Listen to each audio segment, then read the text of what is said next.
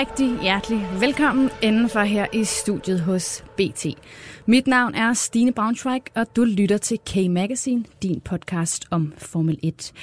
Og i dag, der er det altså sidste udsendelse, inden vi går på en lille sommerferie. Desværre, men sådan er det jo. Der skal jo holdes lidt ferie også i podcastland.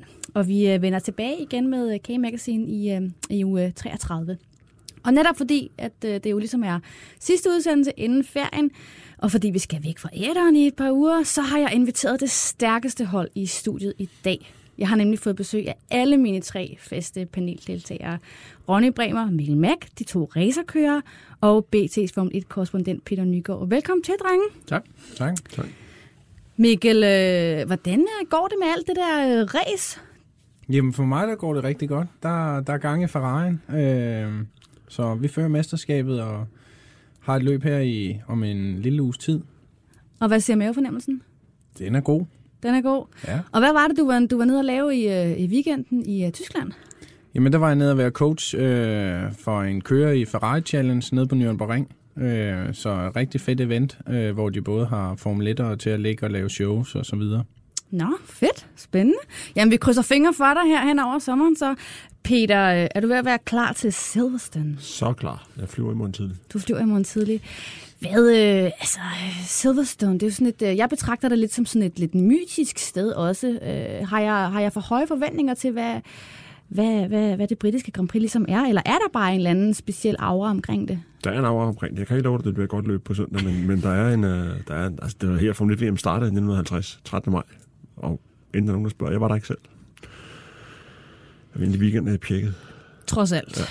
Ronny, øh, skal du sidde klistret til skærmen her hen over weekenden? Ja, det kommer lidt an, hvordan qualifying går, men jeg skal nok se det. det går altid godt, jo. Ja, det er det. Og hvad står dine sommerplaner så ellers på? Jamen, jeg har jo mit uh, racereventyr med Jan Magnussen stadig, som vi har en masse ting, vi skal have styr på, og begynde at lave testplaner og løsplaner, så vi snart ved, hvad vi skal resten af året. Så der, der er ikke så meget sommerferie der. Lige om lidt, der øh, dykker vi ned i øh, dagens udsendelse. Velkommen til alle jer, der lytter med. Racing, competing is in my blog. Og vi lægger altså ud med at skue lidt ud i fremtiden. For lige om lidt, der går turen til Silverstone i England. På søndag skal der køres løb på Lewis Hamiltons hjemmebane. Men hvad skal vi egentlig forvente os? Og øh, i dag der ser vi jo selvfølgelig lidt frem. Vi får desværre ikke mulighed for at følge op på det, så jeg regner med, at I er fuldstændig skarpe i jeres forudsigelser i dag, så vi ligesom kan sige, at jamen det, der, fik vi, der fik vi trods alt ret. Øhm, først og fremmest, Mikkel, er det en bane, du kender? Det er det i hvert fald. Og hvad er det for en, øh, en bane at, at køre på? Jamen, en rigtig fed bane. Øh, der er altid sindssygt, sindssygt mange fans derovre også, øh, som laver den helt rigtige stemning.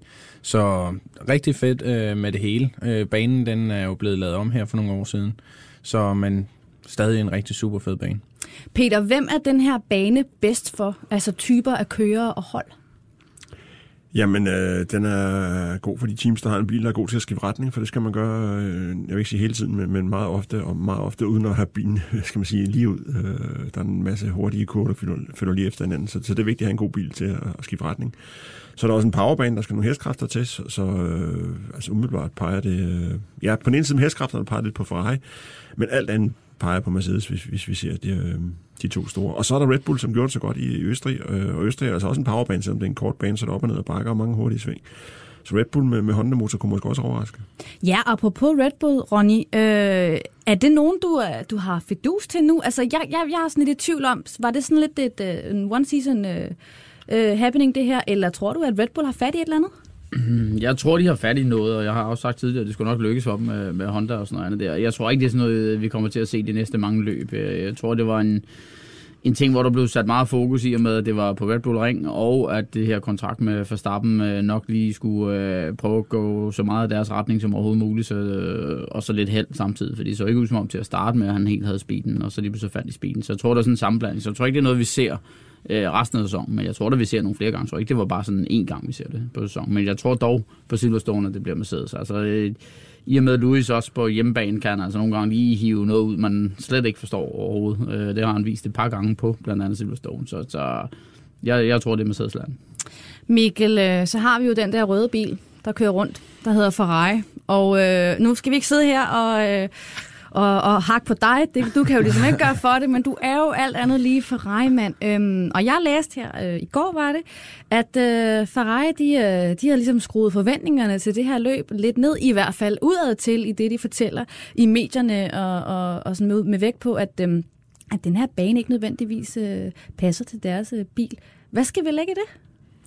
Jeg ved ikke, hvad vi skal lægge i dem. Øh, man kan hurtigt skrive al, en masse ting ud, både for at forvirre, men også for at være ærlig. Øh, så, men det er svært for os her at sidde med lige nu.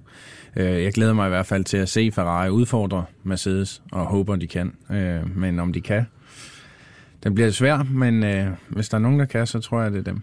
Peter, tror du, Ferrari kan udfordre? Øh, Ja, det tror jeg faktisk, at de vandt derhen sidste år, øh, og det var et slag i ansigtet på, på Lewis og Mercedes også for den sags skyld, som jo har hovedkvarteret lige ved sådan her banen. Så jeg tror godt, Ferrari er, vil være, være tæt på. Altså Mercedes, når man ser på resultaterne i år, så har de vundet det hele på nær lige på, i Østrig, men, men så, så overleden har de altså ikke været i enkelte løb. Er det ikke også ved at være på side, Ronny? Hvis Ferrari skal have noget oprejsning, så skal det altså være nu. Jo, jeg, jeg tænker også, at Leclerc, han, øh, han har været lidt uheldig, den ikke lige er, er lykkes endnu. Øh, det, det har været tæt på på gang. Så, så er han rigtig sulten, og de, de har også en god chance, men jeg tror, Mercedes skal lidt mere. Og så er der jo selvfølgelig det evigt tilbagevendende spørgsmål, der naturligvis handler om uh, Haas og om uh, Kevin Magnussen. Og Peter, jeg har givet fuldstændig op i forhold til at prøve at, uh, at forudsige noget om, hvordan uh, det kommer til at gå Kevin Magnussen. Men det er en ting, du har gjort, men det er kun, du stiller kompagni også. Det er det, der er problemet. Ja, men altså, uh, hvad, hvad er din sådan umiddelbare mavefornemmelse, inden vi går ind til den her løbsweekend?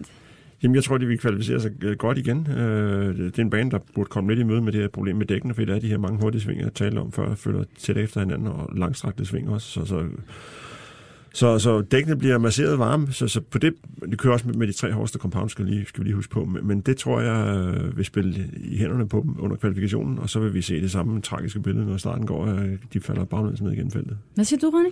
Jeg tror faktisk lidt mere pessimistisk. Jeg, jeg tror ikke helt, at de kan være med. Altså, jeg tror, de kommer til at ligge sådan 12-15 stykker i, i qualifying. Jeg tror, de mangler det sidste der. Det er en bane, som kræver andet end bare lige dækkene skal virke. Øh, der, der er virkelig mange ting, der skal, og det, det er en stor bane, hvor en lille fejl kostede dyrt øh, igennem de her hurtige svingkombinationer, inden man kommer ud på hanger straight blandt andet og sådan noget. Så, så belært af, øh, tilbage nu, så tror jeg faktisk, de får det lidt svært desværre. Mikkel, når man som racerkører kører øh, er inde i sådan en periode, en nedadgående spiral og negativ spiral, som Haas og Kevin Magnussen er det i øjeblikket. Hvad, når, når du har oplevet modgang, og at tingene bare ikke ville det, som du ville, hvordan, hvad gør man så for ligesom at holde hovedet koldt? Jamen nu er det jo forskelligt fra person til person, og jeg kan kun sige, hvad jeg gør. Og jeg prøver på, når jeg er væk fra banen, og så prøver at komme til at tænke på alt andet end motorsport. Så virkelig bruge tid sammen med familie, virkelig bruge tid sammen med venner, lave alt muligt sjov og ballade. Øh, men selvfølgelig også, når så du er sammen med teamet, så sætter I jer ned, og så prøver I alt det, I kan, på at finde ud af, hvor, hvor kan vi gøre os bedre, også på alle mulige andre parametre, end kun der, hvor man faktisk føler fejlen er. Peter, øh, Kevin Magnussen, han, øh, altså, jeg, jeg, jeg har sådan svært ved at vurdere, hvor, hvor, hvor desperat han, han måske begynder at blive, eller om han overhovedet er det. Jeg synes ikke, han er desperat. Øh, hvis der er nogen, der er desperat i, i den lejr, så er det Roman Grosjean, og det har han jo sådan en forhistorie med også at blive relativt hurtigt. Det var sådan, der er mest på spil, kan man sige, i, med hans kontraktudløb og i hans alder og hans sted i karrieren, så, så er han meget mere mistet end Kevin har. Så Kevin er ikke desperat, men han er godt nok frustreret, og det kan jeg også godt forstå, fordi han, han viser jo gang på gang senest øst med den her drømmerunde. Altså, jeg kan ikke sige nok flot om den omgang. Og så bliver det bare til ingenting i løbet. Det, det er dybt frustrerende. Inden vi lige hopper videre i udsendelsen, øh, så skal vi jo selvfølgelig lige forbi øh, dig, Peter, igen. Øh, og jeg regner med, at du øh, ikke, øh, ikke fortæller mig i dag, at du hellere vil have, have det her liggende et andet sted i udsendelsen. Men øh, vi skal selvfølgelig have din, øh, din paddock-ting. Øh, har du taget noget spændende med til os, som øh, du kan fodre lytterne med? Altså presset er i hvert fald på mig allerede, kan jeg høre, med, med den tone, du har lagt, øh, lagt på. Nej, men jeg, vil- jeg vil snakke, øh, snakke om noget fra paddocken faktisk, selvfølgelig, som var rigtig konkret dengang. Øh, begynder at snakke 2020, for det er det, er, vi begynder at snakke om i paddocken. Og, og der er jo mange øh, mere eller mindre velunderbyggede teorier, øh, altså lige fra almindelig gætværk øh, til folk, der ved, hvad de snakker om. Så hvem kører hvad, og, og, og silly season og så videre. Men mindre der sker noget helt vildt hos Ferrari og Mercedes, og det tror jeg faktisk mindre og mindre på, der gør, så samler interessen sig om Renault i øjeblikket. Og der er Ricardo sikker, det siger han både selv, og det siger, siger Abite Bull, så det, det er Hyggenberg. Han har skuffet mod Ricardo. Vi snakker om ham tit her i studiet. Jeg har sådan, øh, jeg vil ikke sige beskyttet ham lidt, men, men trykket ham lidt frem, fordi han er en god racerkører. I VM, der ligger de med samme point, øh, Ricardo og, øh, og Hylkenberg, men, men der er himmelvid forskel på dem i kvalifikationen. Der er Ricardo langt den hurtigste, og, og det er selvfølgelig noget, man lægger mærke til. Og Ricardo har kontraktet øh, øh, hvad hedder, det, udfald. slutter, kontrakten slutter. Hvem skal afløse ham? Der, der er jo kongen den oplagte mulighed, og Mercedes-chef Toto Wolf som, som ejer Ocon og Renault Cyril Abiteboul, havde allerede sidste år en aftale om, at Ocon skulle køre for Renault her i år. Så kom Ricardo pludselig på markedet, øh, og, og så fik øh, Bitte Bull pludselig øh, fik ham til at glemme alt den her gentleman-aftale, han havde med, med Wolf og Ocon. Så forhistorien kan forhindre, at Ocon kommer til, øh, til Renault. Øh, Bitte Bull skal i hvert fald lige bevise, at han stadig er en gentleman, øh, siger Wolf. Men, men det er den naturlige løsning for det team, vil jeg sige, med en franskmand. Hvem kunne ellers være interessant for Renault? Øh, der bliver så nogle langskud, ikke? Fordi øh, der er ikke rigtig nogen, der umiddelbart ser sådan markant bedre ud end Hülkenberg. Grosjean, øh, selvfølgelig franskmand, øh, men han er, han er for gammel, og de har prøvet ham ikke engang så er der en franskmand til i feltet, men, men hvis øh, Gasly han, han bliver ledig, så kommer han ikke med de bedste anbefalinger fra, fra Red Bull. Så, så øh, hvis det ikke bliver kong, så tror jeg, Hylkenberg bliver der. Øhm, så er ham der Gasly. Øh, hvis han skal, han skal tættere på fra starten hos Red Bull, øh, men man skal også se på, hvilke alternativer Red Bull har. De har jo en, en, en, en historie med at opdyrke deres egne talenter og Alexander Albon, som ellers gør det godt, det er nok for tidligt for ham. Og så er der Daniel Kvier tilbage, og han har været ude og inde af det her øh, Red Bull og Toro-system så mange gange, så det er næsten pinligt at hive ham op af, af hatten endnu en gang. Og så er der så Haas selvfølgelig, som også er interessant til med danske øjne. Hvis de ikke snart får vendt udviklingen, så ender de som øh, den her sæsons helt store skuffelse. Eller i hvert fald som det team, som udnytter deres potentiale suverænt dårligst. Og i raceløbet siger man tit, uh, never change a winning team, men her i det her tilfælde, så bliver det altså et tilfælde om always change a losing team, for et eller andet skal der ske, er jeg sikker på. Uh, Magnus Nader, han er blevet den hurtigste og den mest stabile kører i det team, og han har kontrakt for 2020, så det, det er Grosjean, der hænger i en tynd tråd. Hvem skal afløse ham? Jeg tror, øh, et, et godt bud er Sergio Perez og hans meksikanske sponsorer. Øhm, Haas kender allerede Perez bagland øh, rigtig godt, for det, var, det var på mange måder de samme personer, de samme sponsorer, som var med, da uh, Gutierrez kørte for teamet i 16. Så, så alt det her, det er nogle spændende ting, som jeg helt sikkert får mere at vide om i, i weekenden på Silverstone. Ja, og jeg bider mærke i en ting, du siger. Øhm, det er jo selvfølgelig Esteban Ocon, øh, som jeg synes er en spændende kører, og jeg synes, det var vildt ærgerligt, at han ikke fik et sæde. Og jeg ved godt, der er politik og penge og aftaler, man har lavet, og nogen, der bestemmer øh, meget mere, end, øh, end, end kørerne egentlig selv gør. Men Ronny, vil du ikke meget gerne se ham tilbage i en øh, Formel 1-bil? Og oh, helt sikkert, at det er også skuffende, at han ikke kommer til at køre. Han er et kæmpe talent, men nogle gange så kan det være godt forstået på den måde, han er sulten. Det kan man også se, når han står inde i garagen og, og kigger der. Han er klar til, hvis øh, Bosser sparker en lille finger og ikke lige kan køre, så, så er han klar med det samme, uanset om han har trænet eller ej. Så, så det vil være fedt at se ham tilbage. Men jeg synes også, han fortjener det. Jeg synes kun, han har gjort de rigtige ting, så han røg ud på en, på en latterlig beslutning, efter min mening. Hvor jeg synes tit, så er der nogen, der får chancen, hvor man tænker, hvor fanden fik han chancen? Øh, men jeg synes faktisk, at han har gjort det godt helt vejen igennem, og lidt uforstående, at han blev sat på bænken. Men sådan er det nogle gange, når brækkerne ikke passer i, i det lille spil. Mikkel, er der egentlig en kører, du sådan omvendt tænker, ham behøver jeg ikke se i en Formel 1-bil næste sæson? ja, der, der, der er jo... Var det, nok... godt, hvad, hvad, hvad, var det et, et godt stykker. det, var, det var bare, der, der er masser, men... Jeg var glad for, at det var mig, der fik det. ja, så skal jeg være den taglige. Nej. Nej, jeg synes jo selvfølgelig, at Stroll, han, han, der, der er mange, der er bedre. Lad os sige det sådan. Øh, Grosjean ser jeg også ud. Øh, Kubica har sgu også spillet. Ja, ja, Kubica også. Så, altså, så der er jo faktisk en del. Øh, men hvem der så skal overtage, det, det ved jeg jo så ikke. Nej, Peter, et Men hurtigt... Ocon, han skal jo så ja, tilbage. han skal tilbage. Peter, et hurtigt, navn, et hurtigt bud på et navn, som du ikke behøver at se næste sæson. Jamen, de er næsten alle sammen hævet op af, op af hatten. Uh, Gasly er også et, uh, en, ja. en kandidat. Jeg, jeg vil ikke sige, at han, han forsvinder helt, men, men han står næppe i en Red Bull næste år, hvis ikke han giver, begynder at give noget gas. Kan du toppe den, Ronny? Nej, jeg kan ikke toppe den anden. Jeg synes, Kubica er nok den største skuffelse for mig, fordi jeg, jeg, jeg troede faktisk, han kunne noget mere. Han er langt efter George Russell hele tiden, og ligger bare håbløst bagud. Øh, så, så han, han har gjort håbet for de ældre og svære, kan man sige, og må håbe, det er armens skyld og ikke alderens skyld.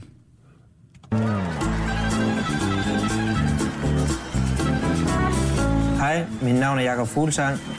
Kom med mig bag turen denne sommer helt eksklusivt hos BT. Jeg leverer insiderfortællinger fra Tour de France hver dag hos BT, både på mobilen og i avisen. Ja, på BT der er vi altså i fuld gang med en sommer fyldt med cykling og Tour de France. Derfor der har vi lavet et stort samarbejde med netop Jakob Fuglsang, den danske cykelstjerne. Og han øh, vil efter hver øh, turetappe skrive klummer eksklusivt til BT. Og dem kan du naturligvis finde på bt.dk.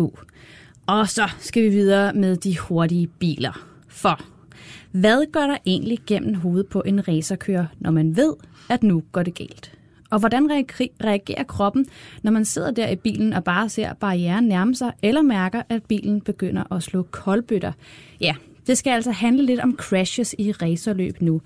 Og på opfordring øh, af en øh, god lytter derude, så skal vi snakke lidt om, øh, hvad det er, der egentlig sker, når man kører galt med flere hundrede kilometer i timen og hvordan køreren reagerer. Og jeg tænker, der er jo ikke nogen bedre til at svare på det, end, øh, end to gavede racerkører her i studiet. Peter kan, kan selvfølgelig... Øh... Altså, jeg har ikke kørt med 400 km i timen. Jeg har væltet to gange på Jyllandsringen. Okay, og jeg har væltet på cykel en gang, så det tæller også lidt.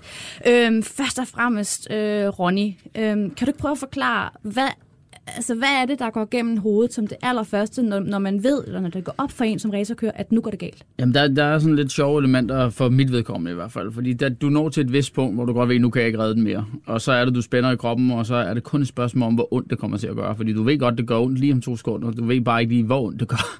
Øh, så, så det er om at, at slippe hænderne fra rettet, holde op på selerne, så man holder i spænd der, øh, sådan så dine arme ikke flikker rundt alle mulige steder. Øh, på det tidspunkt, hvor du skal tage den beslutning, skal du ligesom være sikker på, at, at jeg kan ikke nå at redde den mere, før du gør det, fordi ellers så, så er det jo lidt dumt at slippe hænderne fra rettet, kan man sige, med, med et par 100 km i timen. Øh, og et godt eksempel var faktisk Jan Magnussen en gang på Laguna Seca, tror jeg det var, hvor at, øh, han troede, det var slut, inden han ramte væggen, så han skyndte sig at fjerne hænderne fra rettet, og så var der desværre inboardkamera på.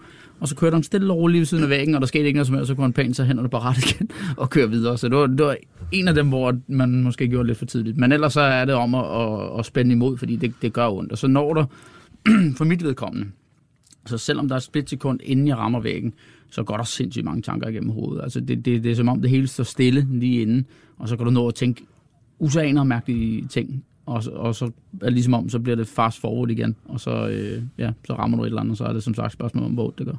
Kan du genkende det her med, øh, det Ronny siger med, at der, bare, der faktisk når at gå tusind ting gennem hovedet på dig, Mikkel? Ja, 100 procent. Det er som om, ja, når, når det allerede er gået galt, ikke? Øh, at det hele går i slow motion. Øh, at du, du får alle mulige tanker, hvor faktisk, skal jeg sætte mig lidt mere mod højre, skal jeg, hvad, hvad skal jeg gøre, og så videre. Øh, og man får nemlig alle de her rigtig mange tanker, selvom det faktisk er på så kort tid. Så, så vi har jo et eller andet hjemme deroppe. Trods alt. Øh, Ronny, du siger det her før med øh, alt sådan, det, det praktiske omkring det, det her med at spænde imod og nå at slippe rettet og sætte sig i en form for brace øh, position øh, ja. ved en eller anden udstrækning. Hvor, det kan godt være, at jeg spørger helt tåbeligt, men der sidder måske lytter derude, der, der ikke forstår, hvorfor gør man det? Jamen, det gør man jo et, fordi at, at traditionelt, øh, den måde, du holder på et ret i en racerbil, gør, at du sådan har tomfingrene siddende inde et, øh, i, i rettet i, i ja, klokken øh, 3 og klokken 6, ikke? Så, så du har ligesom der, hvis det rammer, dit hjul rammer et eller andet ude, så drejer rettet jo hurtigt rundt, og så knækker du dine tomfinger. Det har du bestemt ikke lyst til.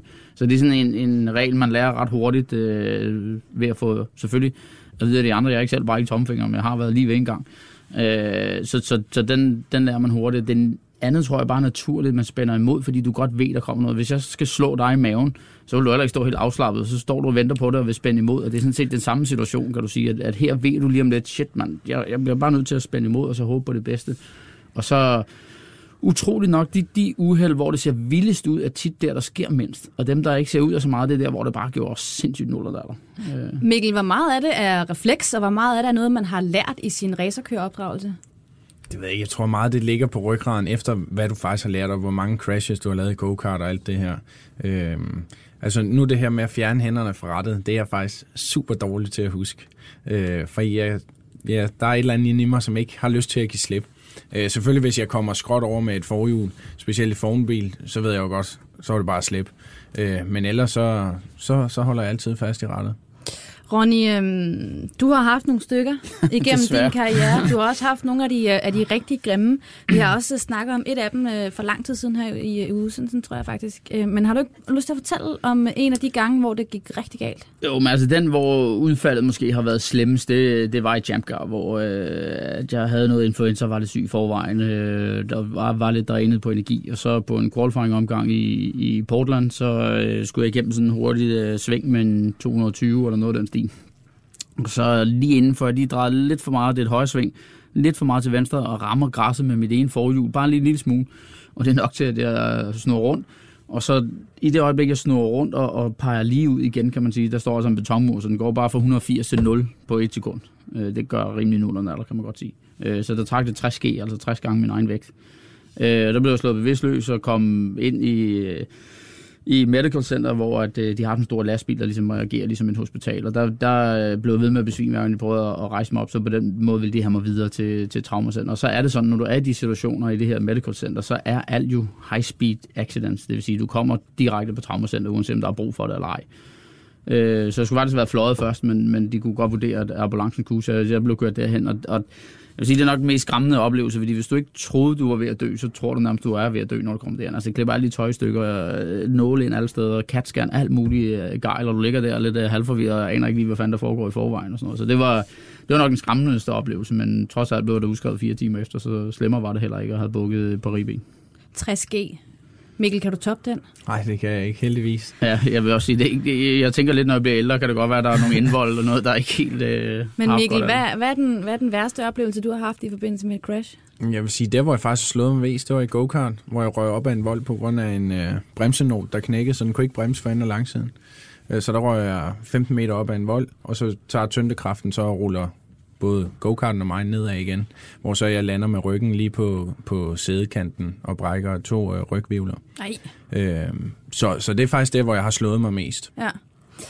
Øhm, jeg kan huske, at øh, det er nogle år siden, jeg kan nærmest ikke engang huske, øh, hvad var for et løb det var, men øh, der, sad, der var Kimi Räikkönen, der stadig kørte for, for Ferrari, øh, og kommer ud et sted og, og får spundet rundt, og øh, kommer så over i modsat side og rammer barrieren øh, med ret voldsom kraft. Det så egentlig ikke sådan super, øh, det var ikke sådan mega topfart, og så skal han så forlade bilen, og du kunne bare se på ham, han var så groggy og kunne slet ikke komme fra den der Det bil. er Silverstone, var det ikke? Var det Silverstone? Det kan godt være, det var det. Der havde han da i hvert fald i forvejen. Men der- ja. tror jeg. Det er rigtigt, jeg lige i løbet af. Der skulle han i Nogle hvert fald gange- have nogle hjælp virker der, ikke? Kimi mere grog end han. Altså. Jamen, og der, tænkte, der, der blev jeg sådan, det var ikke der, fordi øh, øh, konsekvensen viste sig jo ikke at være værre, end den så heldigvis var, men der nåede jeg så at tænke, okay, der kan være, altså han kan have fået en, en hjerneskade eller, eller indre blødninger nærmest, så det der.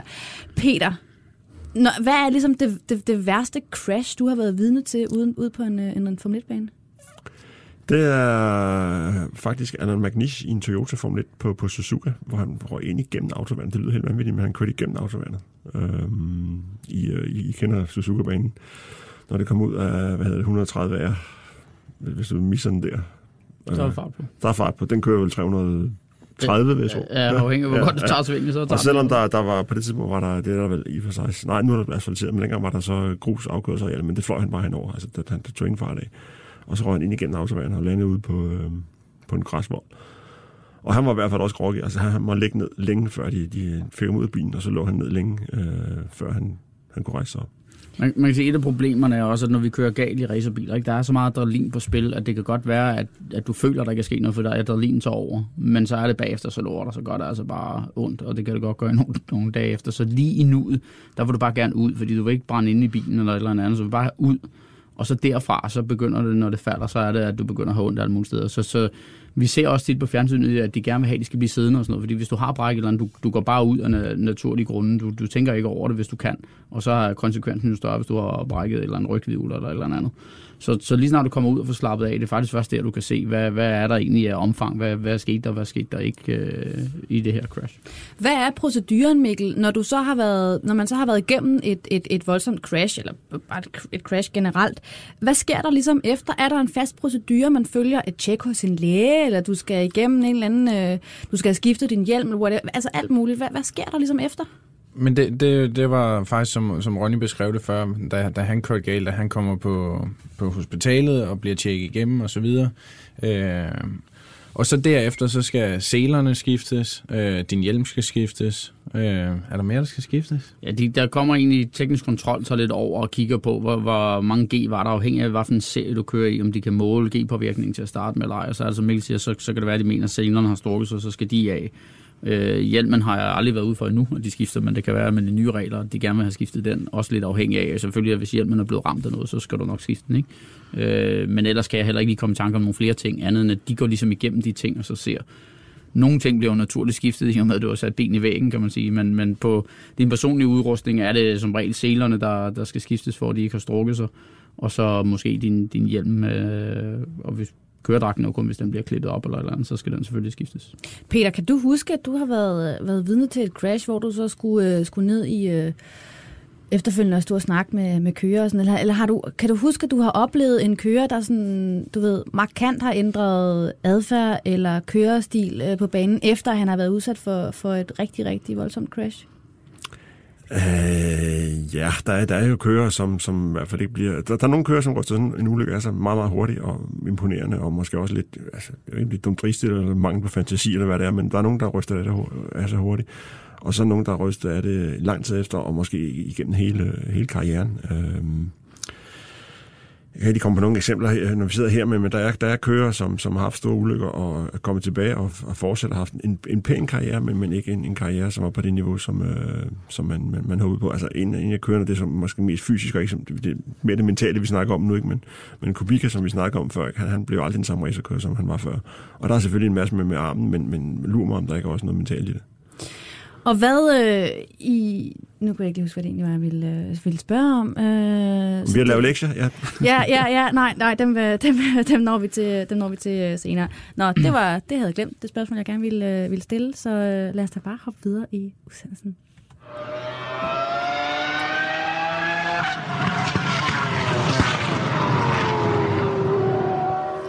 Så fik vi altså snakket en hel del om, øh, om crashes, og en meget dyster, egentlig øh, et meget dystert emne, men ikke desto mindre jo et, øh, et vilkår for, for alle øh, racerkører.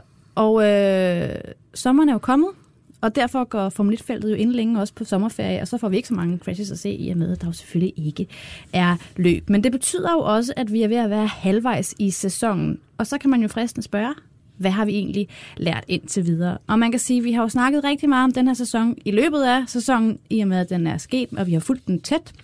Men jeg tænker, at vi alligevel laver den lille opsamling her, for ligesom lige at gå ordentligt på sommerferie og sige farvel til første halvdel af sæsonen. Peter, hvis du skal beskrive første halvdel af sæsonen med et ord, hvad skulle det så være for et ord? Med et ord? Ja. Det var ikke de lektier, vi fik for. Nej, nej. Jeg er overrasket det, det, er ikke, det er ikke det, jeg har læst på. uh, med et ord... Uh, det er freestyle, det her, ikke? Freestyle, så vil jeg sige fascinerende. Ja. Hvad vil du købe ind på den? Anderledes.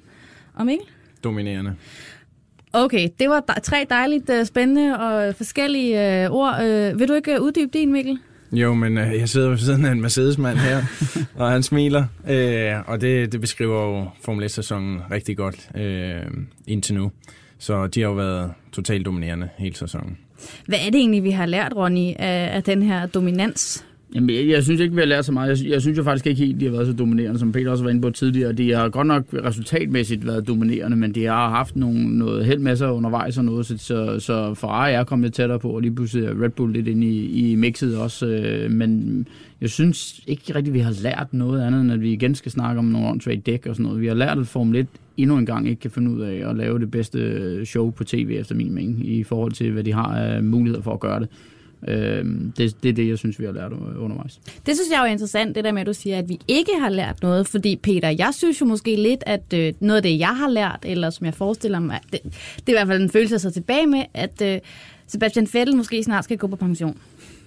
Nå. Er det, vil det være en færre, øh, vil det være en færre øh, lektie, jeg synes, at jeg har gjort mig i løbet af øh, det her jamen, det, det, det, det er færre at få tanken, øh, men jeg synes stadigvæk, at han øh, leverer på et højt niveau. Altså, han, han kører hen over sæsonen har han kørt det mindst så godt som Charles Leclerc, og jeg ved godt, Leclerc er i sin første Ferrari-sæson, men han er altså også ung og sulten og sat sig alt det, der skal til, ikke? hvor, hvor Fælde, han er firedobbelt verdensmester og har kone og to børn og lige millioner på kontoen, han skal bruge, så, så han er måske lidt sværere at motivere, men alligevel så leverer han på, på et højt plan, så øh, altså når jeg siger det, når jeg brugte ordet fascineret om sæsonen, så, så er det på, på mange planer, men ikke mindst at, at se, hvordan øh, den unge generation er kommet ind og presse de gamle kører, og hvordan de gamle kører, de modstår det pres. Det synes jeg er fascinerende.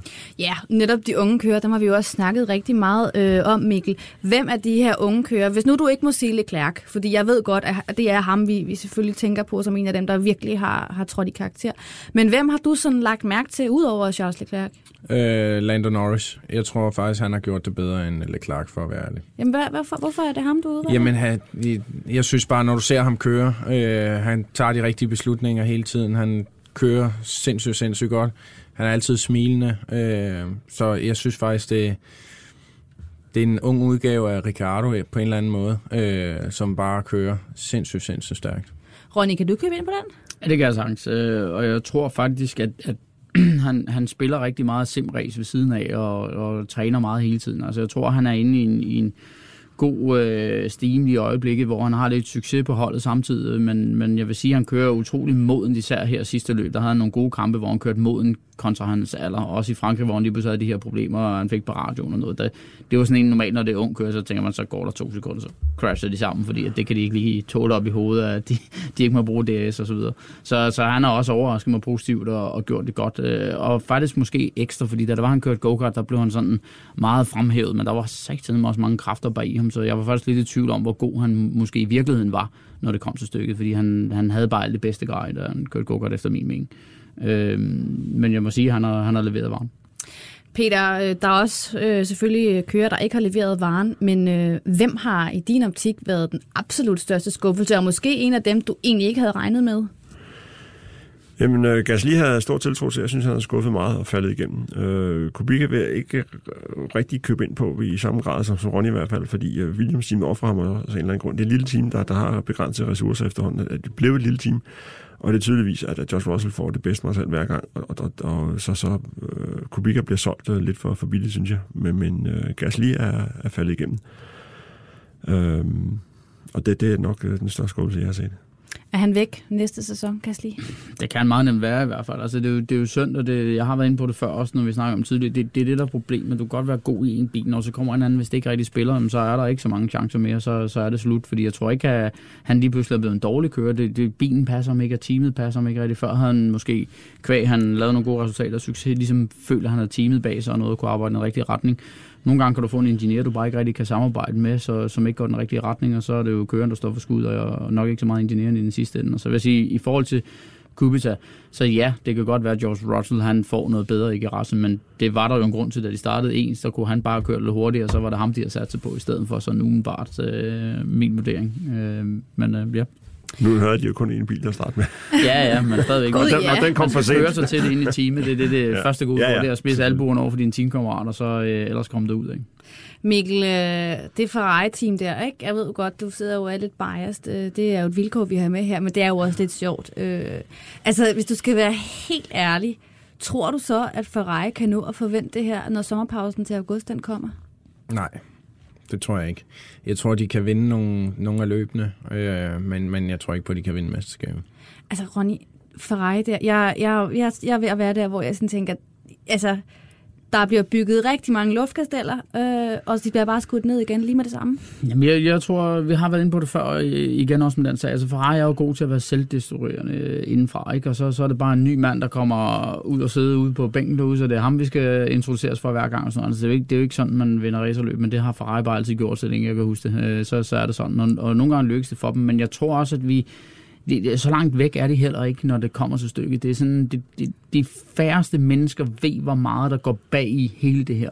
Og hvis man bare kigger på kalenderen, ikke? Et, hver normal person, der skulle få det der logistik til at gå op med at få tingene til at blive flået rundt i rigtige steder og noget.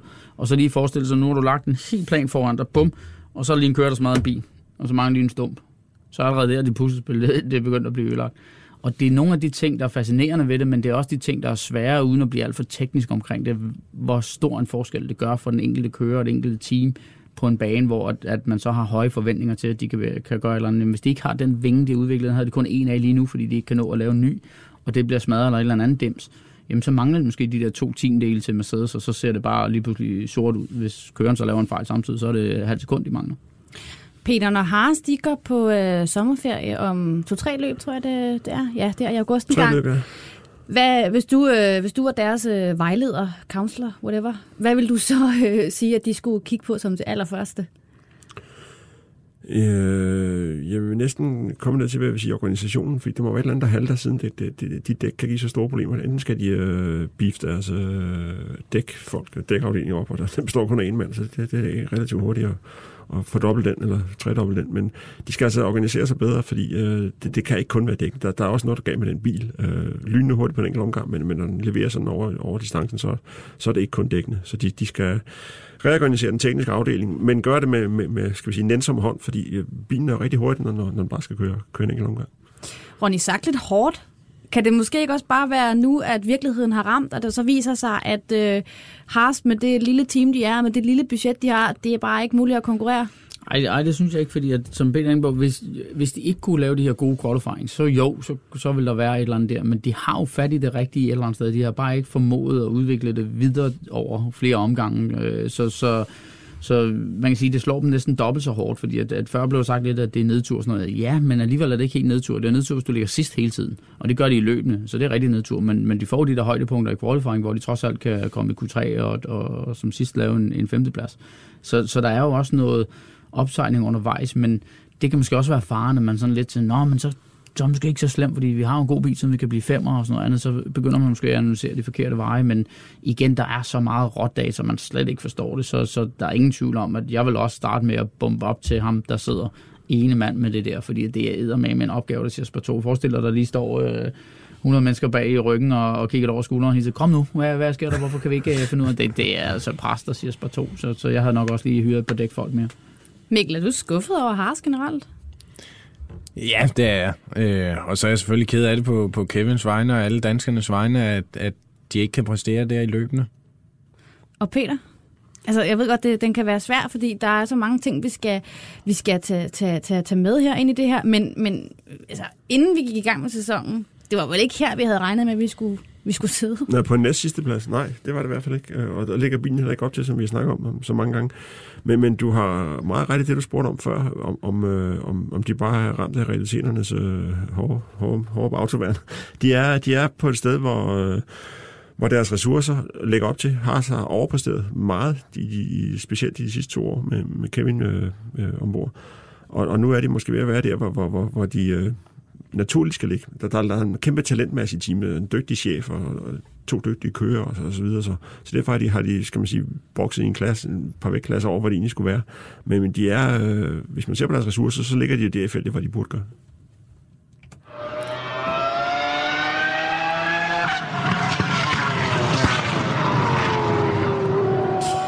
Og så er vi altså nået til øh, den, øh, det faste element selvfølgelig i den her podcast, nemlig det vi kalder pool eller pit. Og det er jo her, hvor mine gæster får til opgave at fælde dom over noget i den store Formel 1-verden. Jeg spørger jer hver gang, og jeg spørger jer også i dag. Ja. I har lavet lektier. Ah, jeg, jeg må improvisere lidt. Jeg synes, den er svær. Det har jeg sagt til dig før. Jeg synes, den er svær hele tiden at blive ved med at hive noget spændende op Jeg tror, jeg giver mit over til i samme klasse. Ja, det er det. Spændende behøver det heller ikke være. Det må gerne være øh, nørdet og, og meget svært for alle andre almindelige mennesker at forstå. Nå, men øh, Mikkel, nu kigger jeg på dig. Har du ikke lyst til at starte med øh, måske din pit, hvis du har taget sådan en med? Det vil jeg gerne. Og nu var jeg, var jeg jo ikke sidst, og jeg hørte jo ikke rigtig jeres, men øh, Honda vil jeg gerne give min pit. Okay. Så jeg synes, at de har kommet rigtig stærkt tilbage nu. Nå, Så det din, må være din nå, pole, din pole. Nå, for fanden, jeg sidder Ja. og snakker pole. Ja. Nej, du snakker pit, men Ja, det, det var min du snakker pole. pole. Men det var, ja, det, jamen, så bare tag polen, det er fint. Jamen, det var min pole, det var Ja. ja. til Honda. Ja. Øh, jeg synes, de er kommet rigtig stærkt igen, øh, og virkelig leverer øh, varen nu. Øh, og jeg tror, de har endnu mere i ærmet. Ja, vi har jo snakket Honda før, øh, Ronny, og du ser ud som om, at du, øh, altså, du, du, du har også troet på dem. Øh, Jamen, jeg synes at jeg har fremad, og de vil, de vil komme på et tidspunkt. Ja. Øh, og jeg synes også, at man kunne se glæden i deres øjne, og, og den måde, øh, de ligesom ja, en forløsning for dem alle sammen, endelig at, at levere noget, og så, så var det jo sjovt at se på sociale medier, alle de her øh, billeder af Alonso, der står og ser mest talt knap så spændende ud, fordi det, det må være egentlig oven i hatten sammen. Ja, det er flot klar at vinde med en Formel 2-motor. Ja, det er præcis. Har du så ikke lyst til at fortsætte med en improviseret pit eller en pole?